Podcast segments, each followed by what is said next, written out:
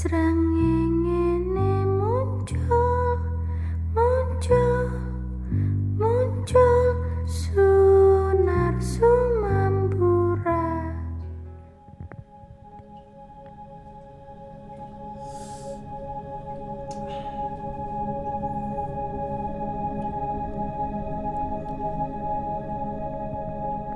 Assalamualaikum warahmatullahi wabarakatuh. Salam sejahtera, Om Swastiastu. Salam kebajikan, nama budaya. Udah. Udah ya? Udah. Ya udah. Lima doang kan? Kayaknya ada yang kurang deh. Lima doang kau di Indonesia. Oke, intinya selamat malam semua. Selamat datang kembali di podcast Malam Kliwon bareng Bimo sama Danu. Betul, episode ke-38. Episode 38. Gimana kemarin? Oke ya dengan kamera yang sederhana ya. Iya, Siap deh. rada runyek sih tapi ya udah lah Emang ya. iya? Lumayan leh. Pas gua 1080 gitu. Siap gak tahu nih 1080 Iya, apaan? CC. Ya, CC. Stang tinggi. gitu. Seperti biasa mantap. kita kembali lagi membacakan cerita-cerita dari teman Kliwon sekalian. Kita nggak bacain komen dulu nih dari YouTube. Wah siap dah. Oh iya, intinya komen-komennya semangat sih, Iya. ucapan semangat. Ayo ada bang, ada upload. enggak gini ada Apa? tim ada tim dari ada tim yang wah gue enakan denger di Spotify ya monggo silahkan Iya, itu preferensi masing-masing aja. betul Kan ada yang lebih nyaman sambil nonton visualnya, Mm-mm. ada yang lebih nyaman dengan audio doang. kalau audio doang nanti home teaternya kebangun Oh, home theater. Eh, Theater of Theater of Mind. Mind. Oh, home theater mahal, Pak. tergantung Kalau belinya home theater mahal. kalau di Carrefour agak murah Aduh, jangan disebut le. Bayar le. Kita harus lebih profesional sekarang nih. Cuy gitu. ya udah Perut gua panas le. kenapa sih Tadi gua kan ke sini makan seafood dulu tuh. Makan kerang ini Uh-uh. sok kamu. kerang. bukan, bukan. oh bukan Itu mah di sana. Di mana tuh ya? Di Jawa Tengah tuh. Purwodadi apa Nggak tahu deh, gue lupa. Mm. Iya, tadi gua tuh makan kerang hijau saus Padang kan. Weh, Nasi uduknya dikit banget le. Pas datang kan tek. ya Allah kecil banget ini cetakannya. Kecil, bener-bener kecil. Sampai gua nambah dua kali gue liat anjir nasi uduk kecil banget ini kayak ada Lagian- nyentong. kayak topan. eh kok topan Ada nyentong. Kecil nggak? yang mana sih Ada nyentong yang digendong di tangan. kecil kan? Iya gue anjir nasi uduknya dikit banget.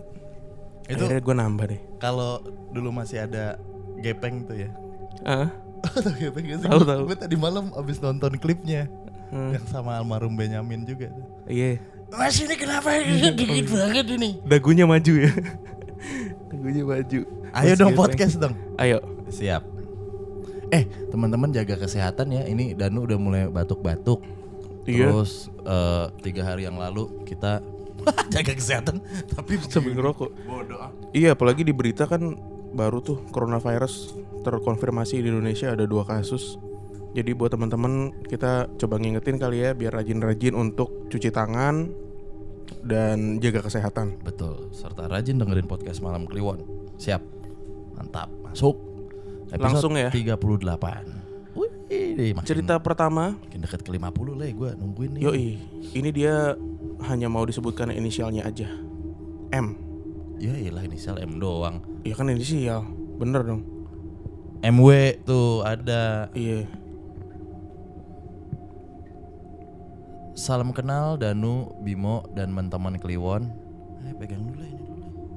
ya Allah tinggal taruh Perkenalkan saya uh hampir. Saya M dari Surabaya. Ini dari Instagram nih, dari DM juga sebenarnya. Saya pengen sedikit berbagi pengalaman sehari-hari yang mungkin menurut teman-teman agak horor. Sebelum masuk ke pengalaman-pengalaman saya, saya sedikit cerita. Saya dari kecil termasuk golongan yang peka dan tipikal bukan orang penakut. cuek ya cuek iya. aja. Cueknya luar biasa tuh dia nulisnya cuek luar biasa. Makanya banyak pengalaman yang mau diceritain. Kebetulan memang turunan dari keluarga walaupun belum seperti eyang-eyang dan bapak saya yang bisa berkomunikasi dengan yang tak kasat mata. Kemampuan saya cuman baru sebatas tahu dan merasakan keberadaan mereka. Hmm. Dan sekilas-sekilas sih ngeliat aja tapi belum terkontrol. Kali ini saya pengen cerita tentang kejadian yang saya alami di kampus.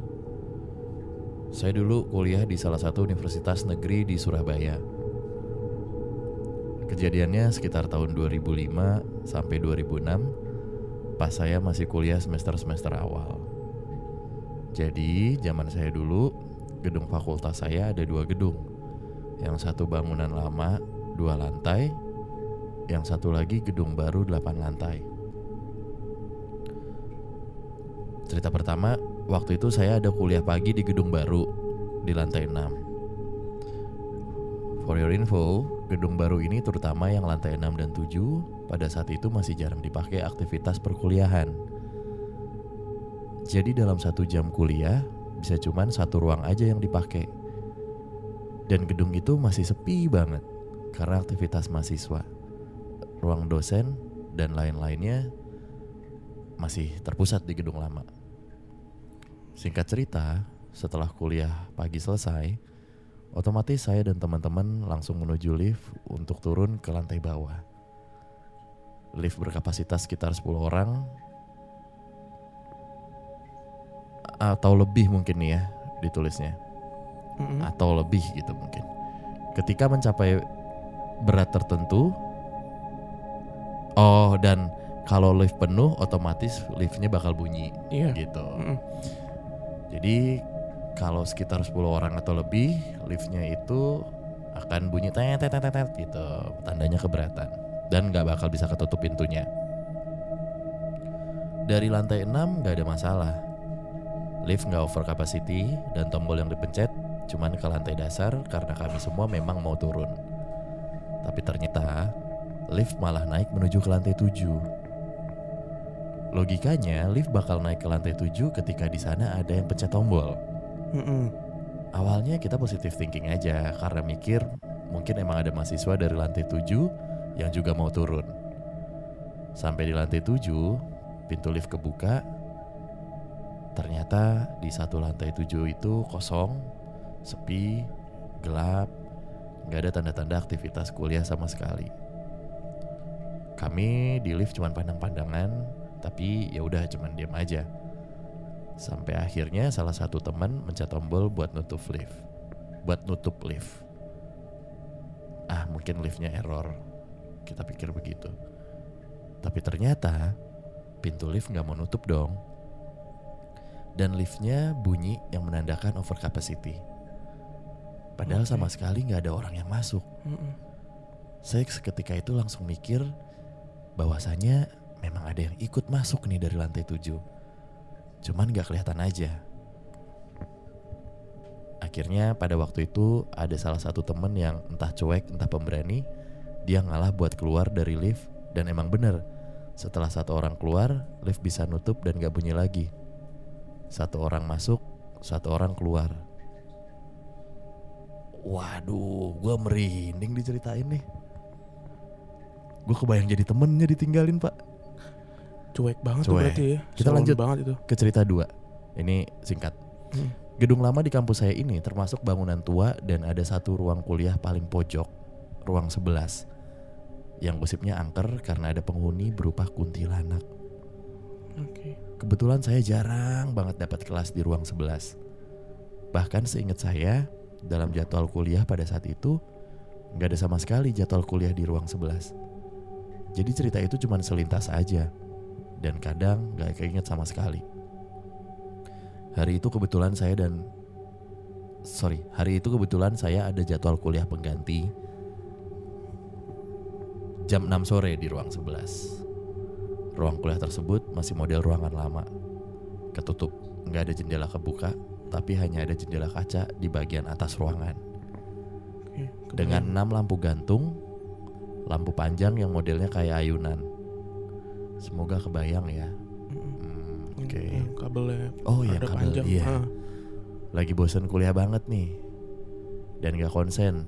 Jadi saya iseng ngamatin lampu-lampu gantung di kelas. Dan entah kenapa lampu yang di atas saya tiba-tiba gerak-gerak pelan-pelan dan makin lama makin kenceng. Jadi kayak ada yang ayunan, jadi kayak ada ayunan gitu di atasnya, ada yang ayun. Mm-mm. Dari enam lampu, cuman satu lampu itu yang gerak.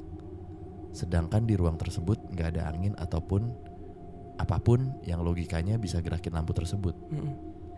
Saya memang nggak bisa lihat dengan jelas, tapi saya akhirnya tahu kalau si kuntilanak yang lagi ayunin di lampu. Mm. Dosen saya nampaknya ngeh Mm-mm. dan dengan santainya bilang, udah nggak apa-apa biasa aja, udah cuekin. Sekian dulu cerita dari saya. Mohon maaf kalau masih berantakan, kepanjangan dan nggak terlalu serem. Lain kali saya share cerita lagi ya. Terima kasih. Oke, ini nampaknya kampus ternama nih di kota Surabaya nih. Kampus to negeri ya. Kampus negeri dan punya lift 2005 2006 udah cukup lama berarti ya 2005 2006 udah ada lift. Nah, sebenarnya clue-nya adalah mungkin teman-teman di Surabaya tahu ruangan 11 ruangan angker. Nah, itu tuh kampus apa tuh yang ruangan 11-nya Angker. Di gedung lama tuh ya, gedung lama gedung lama. dosennya ini lagi ya udah biasa gitu nanggepinnya kenapa udah nggak apa-apa udah biasa gitu. Bisa jadi dosennya Cuekin peka aja. juga. atau bahkan ngeliat ya Atau bahkan bawaan dosennya. Ya udah. tapi iya sih gue gue kebayang ketika dia mendeskripsikan ruangan kuliahnya leh yang bener-bener nggak ada jendela yang kebuka gitu loh jadi yang cuman kaca doang di kampus gue juga dulu ada satu gedung yang yang kacanya bukan kaca yang bisa dibuka gitu Yang gimana? Enggak, tadi kan dia bilang bagian atasnya cuman kaca bisa dibuka tuh kayak gimana ya? Gua nggak kebayang sih. Cuman ada kaca di bagian atas. Bagaimana maksudnya ya? mana sih? Hmm, nggak ada jendela tapi cuman kaca doang gitu loh leh buat sinar matahari masuk. Jadi gue bayanginnya tuh kayak kelas-kelas yang di pojok dan dipaksakan untuk ada ngerti nggak lo? Oh. nggak terlalu proper sebenarnya buat kelas tapi dibikin jadi kelas. Eh, ya ya. oke. Itu dari Mbak M ya wah lumayan senior nih dia nih kuliah 2005 2006 Semester berapa ya? Lupa gua tadi bacain. Nggak Iya, dibacain ya intinya dia berapa. 2005 aja udah kuliah kan Kan dari fotonya kelihatan udah tua apa belum, Pak? Iya sih Mbak nih kita manggilnya ya Mbak nih. Mbak M. Di Surabaya juga ada tuh yang stikernya M. Apa? Solidarity M forever. Oh itu di mana-mana pak Iya, cuman kan asalnya kalau nggak salah ya dari Surabaya bukan? Dari Bu- kampus ternama di Surabaya bukan? Apa Gue Malang tahu ya? sih Cuman setahu gue emang anak teknik mesin Iya sih ya. Semuanya gitu M Solidarity Soalnya om gua juga ada nempelin di mobilnya gitu. Tahu doi anak Surabaya Mm-mm. Oh. Oke lanjut Ini cerita dari Debbie Sartian. Oh enggak. Bukan Halo Kak Bimo dan Kak Danu. Perkenalkan nama gue Debbie. Gue punya beberapa cerita horor Yang lumayan membekas di ingatan gue. Gue cerita dulu Ini cerita yang gue inget ya Dan lumayan serem nih menurut gue dan keluarga gue. Jadi gini ceritanya. Tahun 1979 kalau nggak salah Pokoknya seingat gue. Pokoknya pas gue SMP pas umur gue sekitar 12 atau 13 tahun keluarga besar gue pernah ngadain arisan keluarga besar di salah satu villa di puncak tepatnya di mana gue lupa tapi nama villanya itu Hah? kalau lo cari di Google itu ada villanya lengkap dengan gambar-gambarnya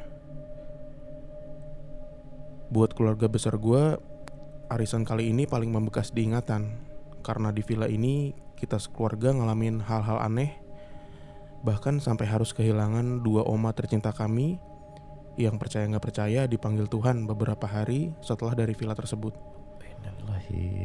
Walaupun kami sekeluarga menganggap ini adalah udah takdir Tuhan buat oma-oma kami. Jalan ke villa ini udah sulit banget karena posisinya yang ada di atas banget dan masuk gang kecil jadi kita harus naik tanjakan yang naik banget dan sempit, cuma muat satu mobil. Katanya pengurus arisan gue dapat referensi villa ini dari salah satu teman gerejanya. Villanya gede, tingkat dua atau tiga gitu gue lupa. Ada kolam renang, gazebo, halaman luas dan bangunannya bukan bangunan tua. Tapi kekurangannya villa ini banyak tangganya di dalam. Jadi kurang bersahabat untuk orang-orang tua kami yang ikut arisan. Oh iya, ini arisan keluarga yang lebih dari satu keluarga. Bisa sampai 10 kepala keluarga yang kalau dijumlah total orangnya ada sekitar 50-an. Oke. Jadi kebayang dong banyaknya orang pada saat itu. Dan ternyata kamarnya nggak cukup. Jadi kita bener-bener kayak ikan pepes ngebagi kamarnya biar semuanya bisa tidur dengan layak. Pada saat itu kita bawa dua orang oma kita yang umurnya satu oma gue 90 90-an tahun dan satu lagi adiknya oma gue umurnya tuh 80 tahunan. Secara fisik mereka berdua udah kayak oma-oma selayaknya lah.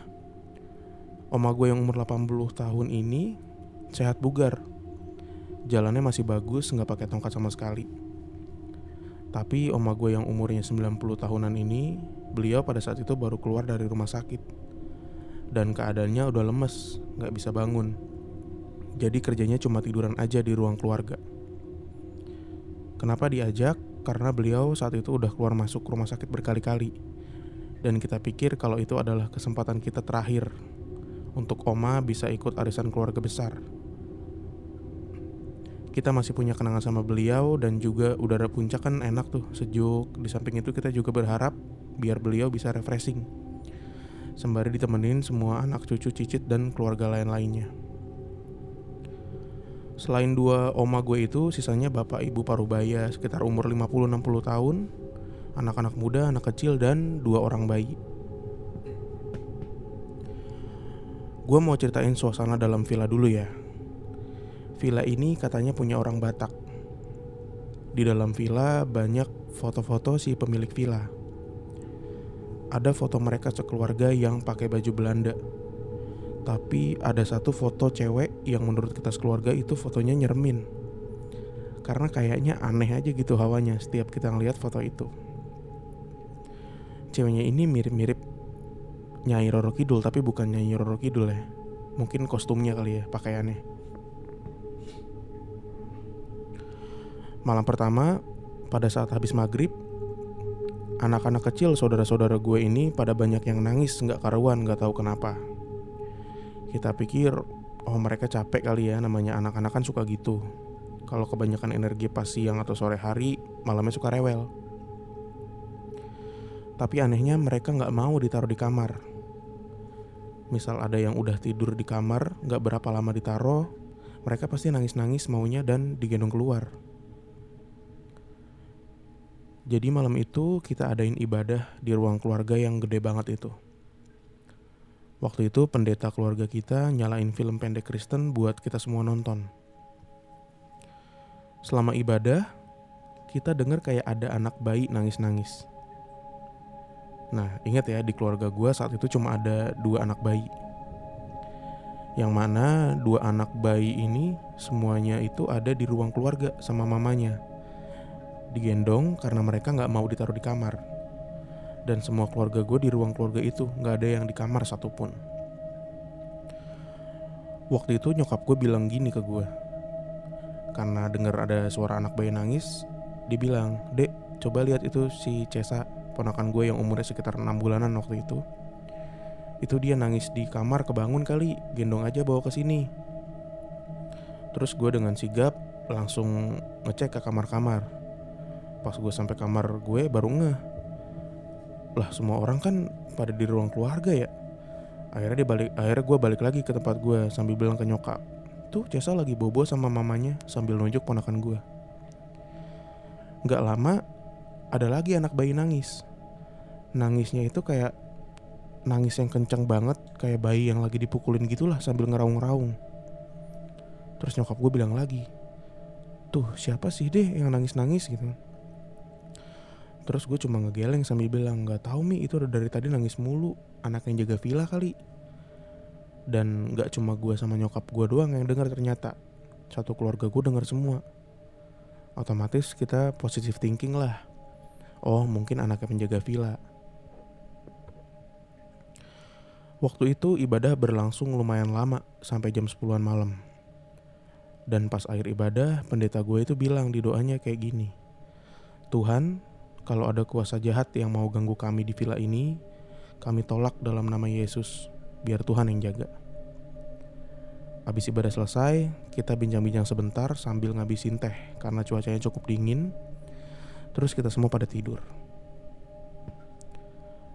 Hari kedua, di siang hari, gue waktu itu lagi tidur karena malam hari gue nggak bisa tidur. Kayak nggak enak aja gitu hawanya. Tapi gue nggak lihat apa-apa dan nggak ada kejadian apa-apa juga. Tiba-tiba gue denger tante gue dari luar tuh teriak dan tempat itu di ruang keluarga. Oma Ari, tolong, tolong, tolong gitu. Gue kaget, terus gue langsung bangun lari ke ruang keluarga itu. Semua keluarga gue yang lagi berenang, lagi di gazebo, lagi di gazebo, lagi di atas juga semua langsung lari berhamburan ke ruang keluarga. Pas kita sampai di sana, nggak taunya oma gue, oma gue yang 80 tahunan tadi tuh, yang sehat, dia udah jatuh tersungkur di lantai dengan jidat yang penuh darah. Kita panik, lalu coba ngangkat si Oma Ari ini dan langsung ngambil minuman dan ngerbahin dia di sofa. Sambil kita pijit-pijit, ngobatin jidatnya yang luka dan berdarah, kita semua buat Oma Ari tenang dan ngilangin panik kita masing-masing dulu. Setelah udah tenang, kita tanya ke Oma, Oma kenapa kesandungnya jalannya? Lalu oma gue jawab, nggak tahu. Tadi oma dari kamar, terus turun tangga. Tapi udah sampai di bawah, oma jatuh kayak ada yang dorong. Nah, tangga tempat oma gue jatuh ini uh, adalah tangga yang cuma ada dua anak tangga nih, kecil banget, kayak tangga gitu doang. Oke. Cuma dua anak tangga yang mengarah ke pintu samping villa dan mengarah ke lantai dua. Nah logikanya tangganya cuma ada dua anak tangga, samping kiri kanan itu tembok, tapi oma gue jatuhnya bisa sampai menyebabkan jidatnya berdarah. Berarti dia jatuhnya keras banget kan? Menurut oma gue dia udah sampai turun di tangga kedua dan kakinya udah napak ke lantai ruang keluarga. Terus dia baru jatuh. Aneh kan? Nah, tante gue yang bisa ngeliat mereka dalam tanda kutip itu bilang kalau oma gue didorong sama hantu cewek. Tapi dia cuma bilang sama beberapa anggota keluarga aja. Terus dia bilang jangan kasih tahu yang lain nanti pada takut. Kalau pada takut malah kita bikin mereka seneng. Kita berdoa aja yuk gitu. Abis itu kita bikin ibadah lagi siang-siang dan pada saat kejadian oma gue jatuh itu yang 80 tahun tadi Oma gue yang umurnya 90 tahun Yang cuma bisa tiduran itu Dia menggeram kayak orang marah Sambil ngeliat ke arah lukisan cewek tadi Yang sempat dibahas di awal Gue samperin oma gue sambil bilang Oma kenapa? Tapi oma gue melotot doang dan terus menggeram Gue takut banget karena gue gak pernah ngeliat oma gue seumur-umur segalak itu. Gue malah pikir oma gue kerasukan setan. Gue panggil om gue kasih tahu kalau oma Ana namanya oma Ana ini marah-marah. Pas gue eh pas om gue dateng dia cuma sayang-sayang oma Ana sambil bisikin di kupingnya doa bapak kami. Nggak berapa lama oma gue pun tidur. Lalu sore harinya sekitar jam 3an tante om gue ada beberapa yang lagi nongkrong di gazebo Tiba-tiba salah satu tante gue lari dari gazebo itu sambil teriak. Heh, heh, kamu stop. Dalam nama Tuhan Yesus, stop kamu, pergi kamu. Dan dia lari ke arah ruang keluarga ke oma anak gue yang umur 90 tahun itu. Kondisinya waktu itu oma gue lagi tidur pules dan ruang keluarga rame karena kita semua kumpul di situ pasca pasca kejadian aneh sama dua oma kita itu. Kita yang di ruang keluarga langsung kaget dan berdiri. Semua kebingungan. Pas tante gue sampai di ruang keluarga, dia langsung meluk oma Ana sambil bacain oma gue doa terus dia peluk sambil nangis dia bilang kita semua pulang hari ini ya kita nggak usah tinggal dan datang ke villa ini lagi banyak orang jahat di villa ini. Ayo semuanya beres-beres. Akhirnya kita putusin untuk sore hari itu kita pulang. Karena keadaannya udah nggak kondusif dan kita semua packing dalam keadaan deg-degan. Di ruang keluarga oma-oma gue nggak dibiarin tinggal sendirian. Yang cowok-cowok tuh pada nemenin oma gue. Kita packing bener-bener secepat kilat terus langsung kumpul lagi di ruang keluarga buat berdoa mau pulang pas di mobil gue tanya ke tante gue emang lihat apa sih tante kok sampai nangis kayak gitu dia bilang dia lihat cewek rambut panjang pakai kebaya kuning persis kayak yang ada di lukisan itu jalan ke arah oma gua sambil bawa barang yang aneh gitu. Dia kayak mau, melakukan hal yang jahat ke oma gua dan kayak mau nyekek oma gua. Gak lama dari kepulangan kita dari villa itu, satu minggu kemudian Oma Ana makin parah keadaannya dan akhirnya meninggal. Gak lama dari itu, Oma Ari pun sakit keras. Beliau tiba-tiba jadi nggak bisa jalan, nggak mau ngomong, linglung, dan nggak lama nyusul Oma Ana. Kita semua nggak mau mikir itu karena penghuni villa, tapi lebih mikir kalau ini udah rencananya buat rencana Tuhan maksudnya, buat oma-oma kami. Tapi akhirnya villa ini kami blacklist dari referensi kami untuk penginapan. Segitu aja cerita dari aku. Mohon maaf kalau kepanjangan dan berantakan. Nanti kalau ada waktu aku aku cerita kejadian horor lainnya. Selamat malam, God bless you all.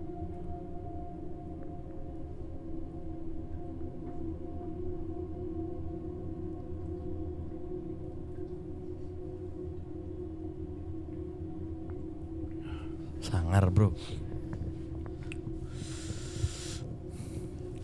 Kita bisa Gimana, bisa- menurut lo? Siapa, siapa nama tadi? Debbie. Debbie. Mm. Ntar udah kacamata dulu patah tiba-tiba. Serius loh. Gimana Bim? Ntar Menurut lo, Bim? kacamata dulu.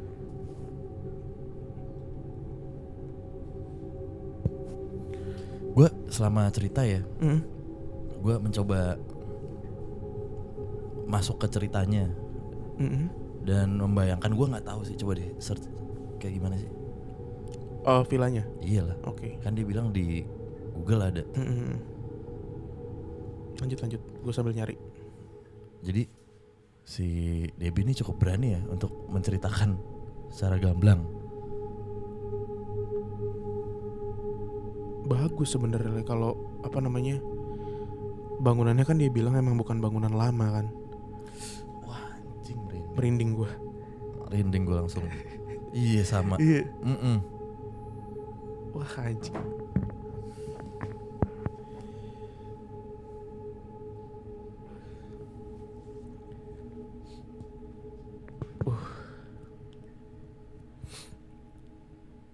ada yang nikah di sini ada yang Gimana ya? Gue baca ceritanya mungkin mungkin dari sekian banyak cerita yang pernah gue baca Bim Mm-mm. dari teman-teman semua. ini Rianti ke Cat Cartwright malah ngiklanin mungkin lumayan terkenal Bim karena lu- luas kan kayak ya banyak yang mereferensikan lah ini walau alam ya maksud gue tanpa ada sentimen apa pun dengan villa ini gitu ya. Mm-mm. dan tanpa ada maksud untuk menjatuhkan atau segala macam gitu ya. Ini kan based on ceritanya si Debbie tadi ya. Betul. Sangar banget sih. Energinya tuh sangar banget menurut gue makanya tadi gue lagi ngomong kepotong ya. Yang mana? Dari sekian banyak cerita yang pernah iya. gue baca kiriman dari teman-teman ketika gue baca cerita ini cerita dari Debbie salah satu cerita yang menurut gue paling punya energi ngerti asli nggak? baru gue mau bilang Iya kan masuk lah kita Ber- ke Eh, eh, apa ya gue susah mendeskripsikannya dengan kata-kata. Cuman Tahu paham maksud gue. Heeh. Gue dari tadi tuh ada rasanya gitu. gue juga mencoba masuk ke si villa itu juga sebenarnya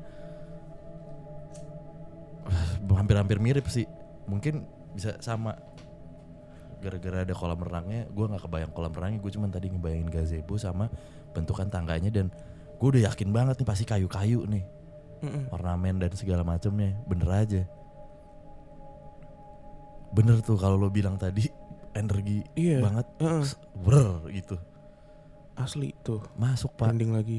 Iya. kuat banget itu energinya si Ceri- Villa ceritanya apa mungkin karena deskripsi dari Debbie yang cukup komprehensif ya Le? Maksud gue sangat deskriptif nih dari kalaupun deskriptif kita Hah? udah sampai eh, episode 38 banyak juga yang deskriptif iya sih. maksudnya banyak juga Iya, yang iya, iya. lengkap dan kayak itu ma itu mati Iya mati lagi. Udah 30 menit berarti ya.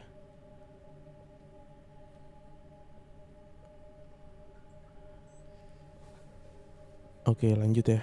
teknis nih nggak tahu kenapa nih kamera Kameranya mati sendiri. mati sendiri lagi anjing ngawur apa tadi iya lumayan deskriptif kayak Heeh. kayak cerita asrama yang di Perawat. Kerawat tuh Mm-mm. deskriptif banget asrama terus yang rumah sakit jiwa yang di Kabupaten Malang. Mungkin juga karena ketika gue baca Mati ini lagi anjing. dan gue membacakan ulang ke teman-teman semua, theater of mind tuh bener-bener kebangun gitu loh Bim. itu iya. Sampai bayangan ketika nenek apa nenek sorry, ketika tantenya lari terus teriak, terus berasa banget paniknya, kondisi paniknya keluarga dia saat ditimpa kejadian-kejadian kayak gitu, packing buru-buru segala macam kumpul di ruang tengah, itu beneran deg-degan gue bacanya.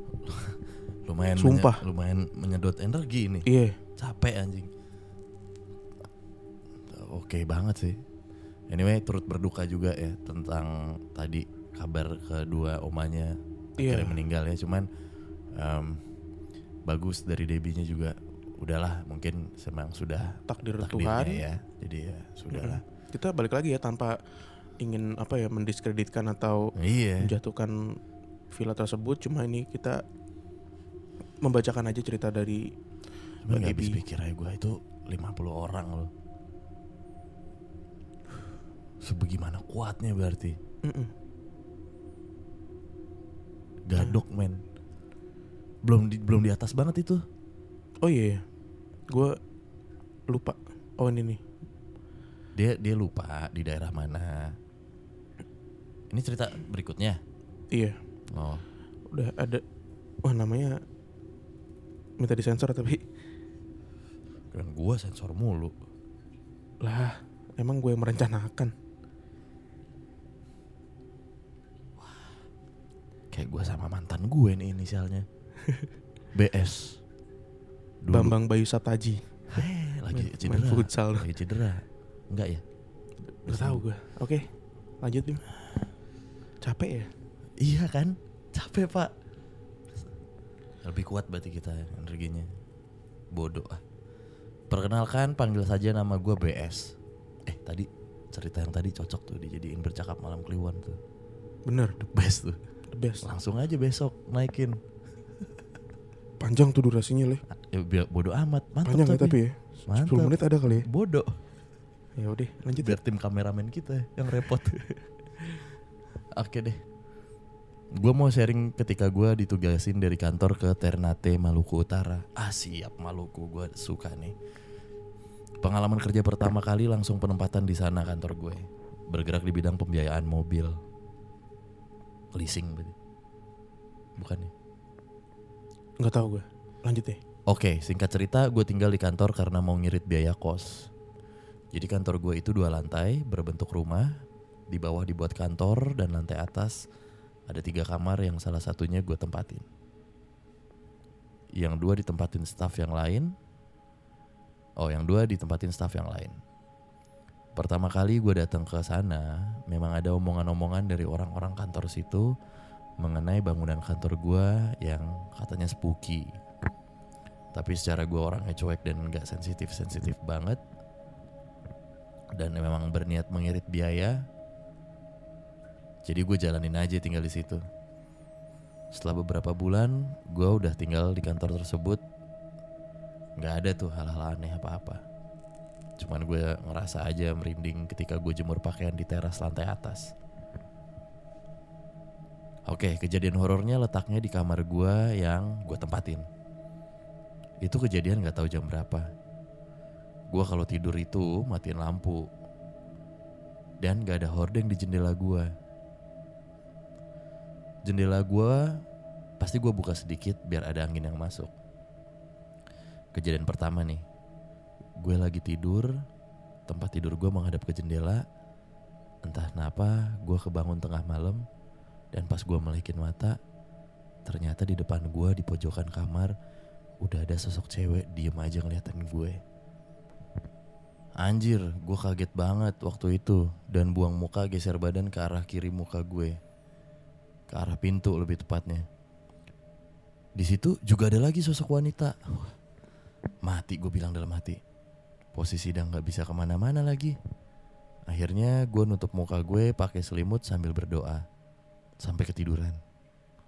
Kejadian kedua, posisi gue juga lagi tidur dengan posisi yang sama seperti kejadian pertama.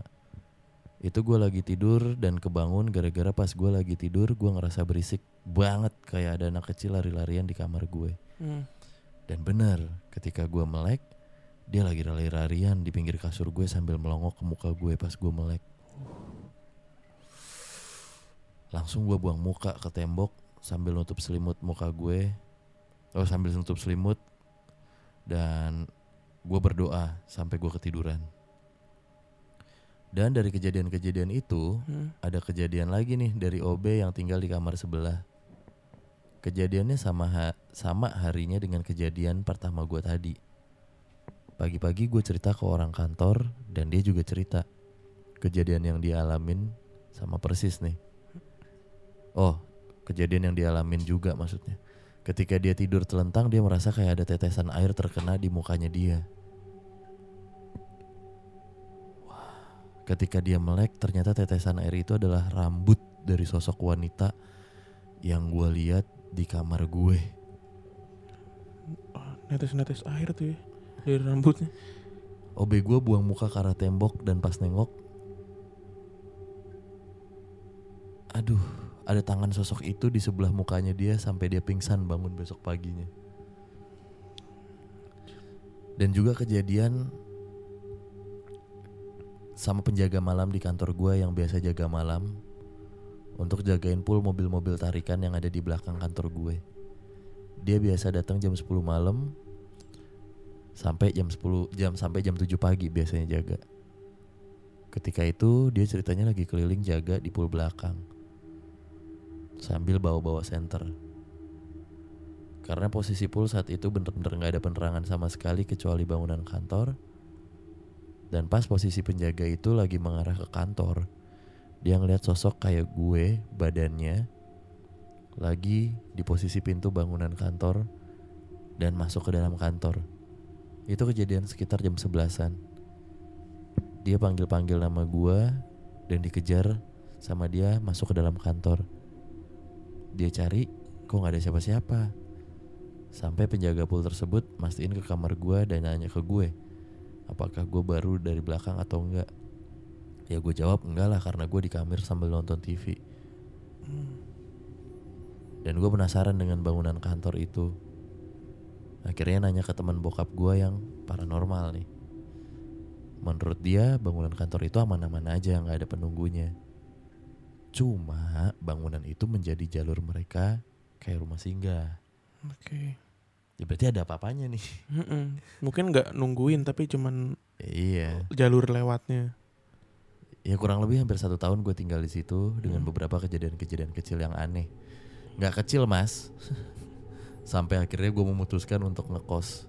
Bukan karena takut tapi karena ada teman sharing budget kosnya.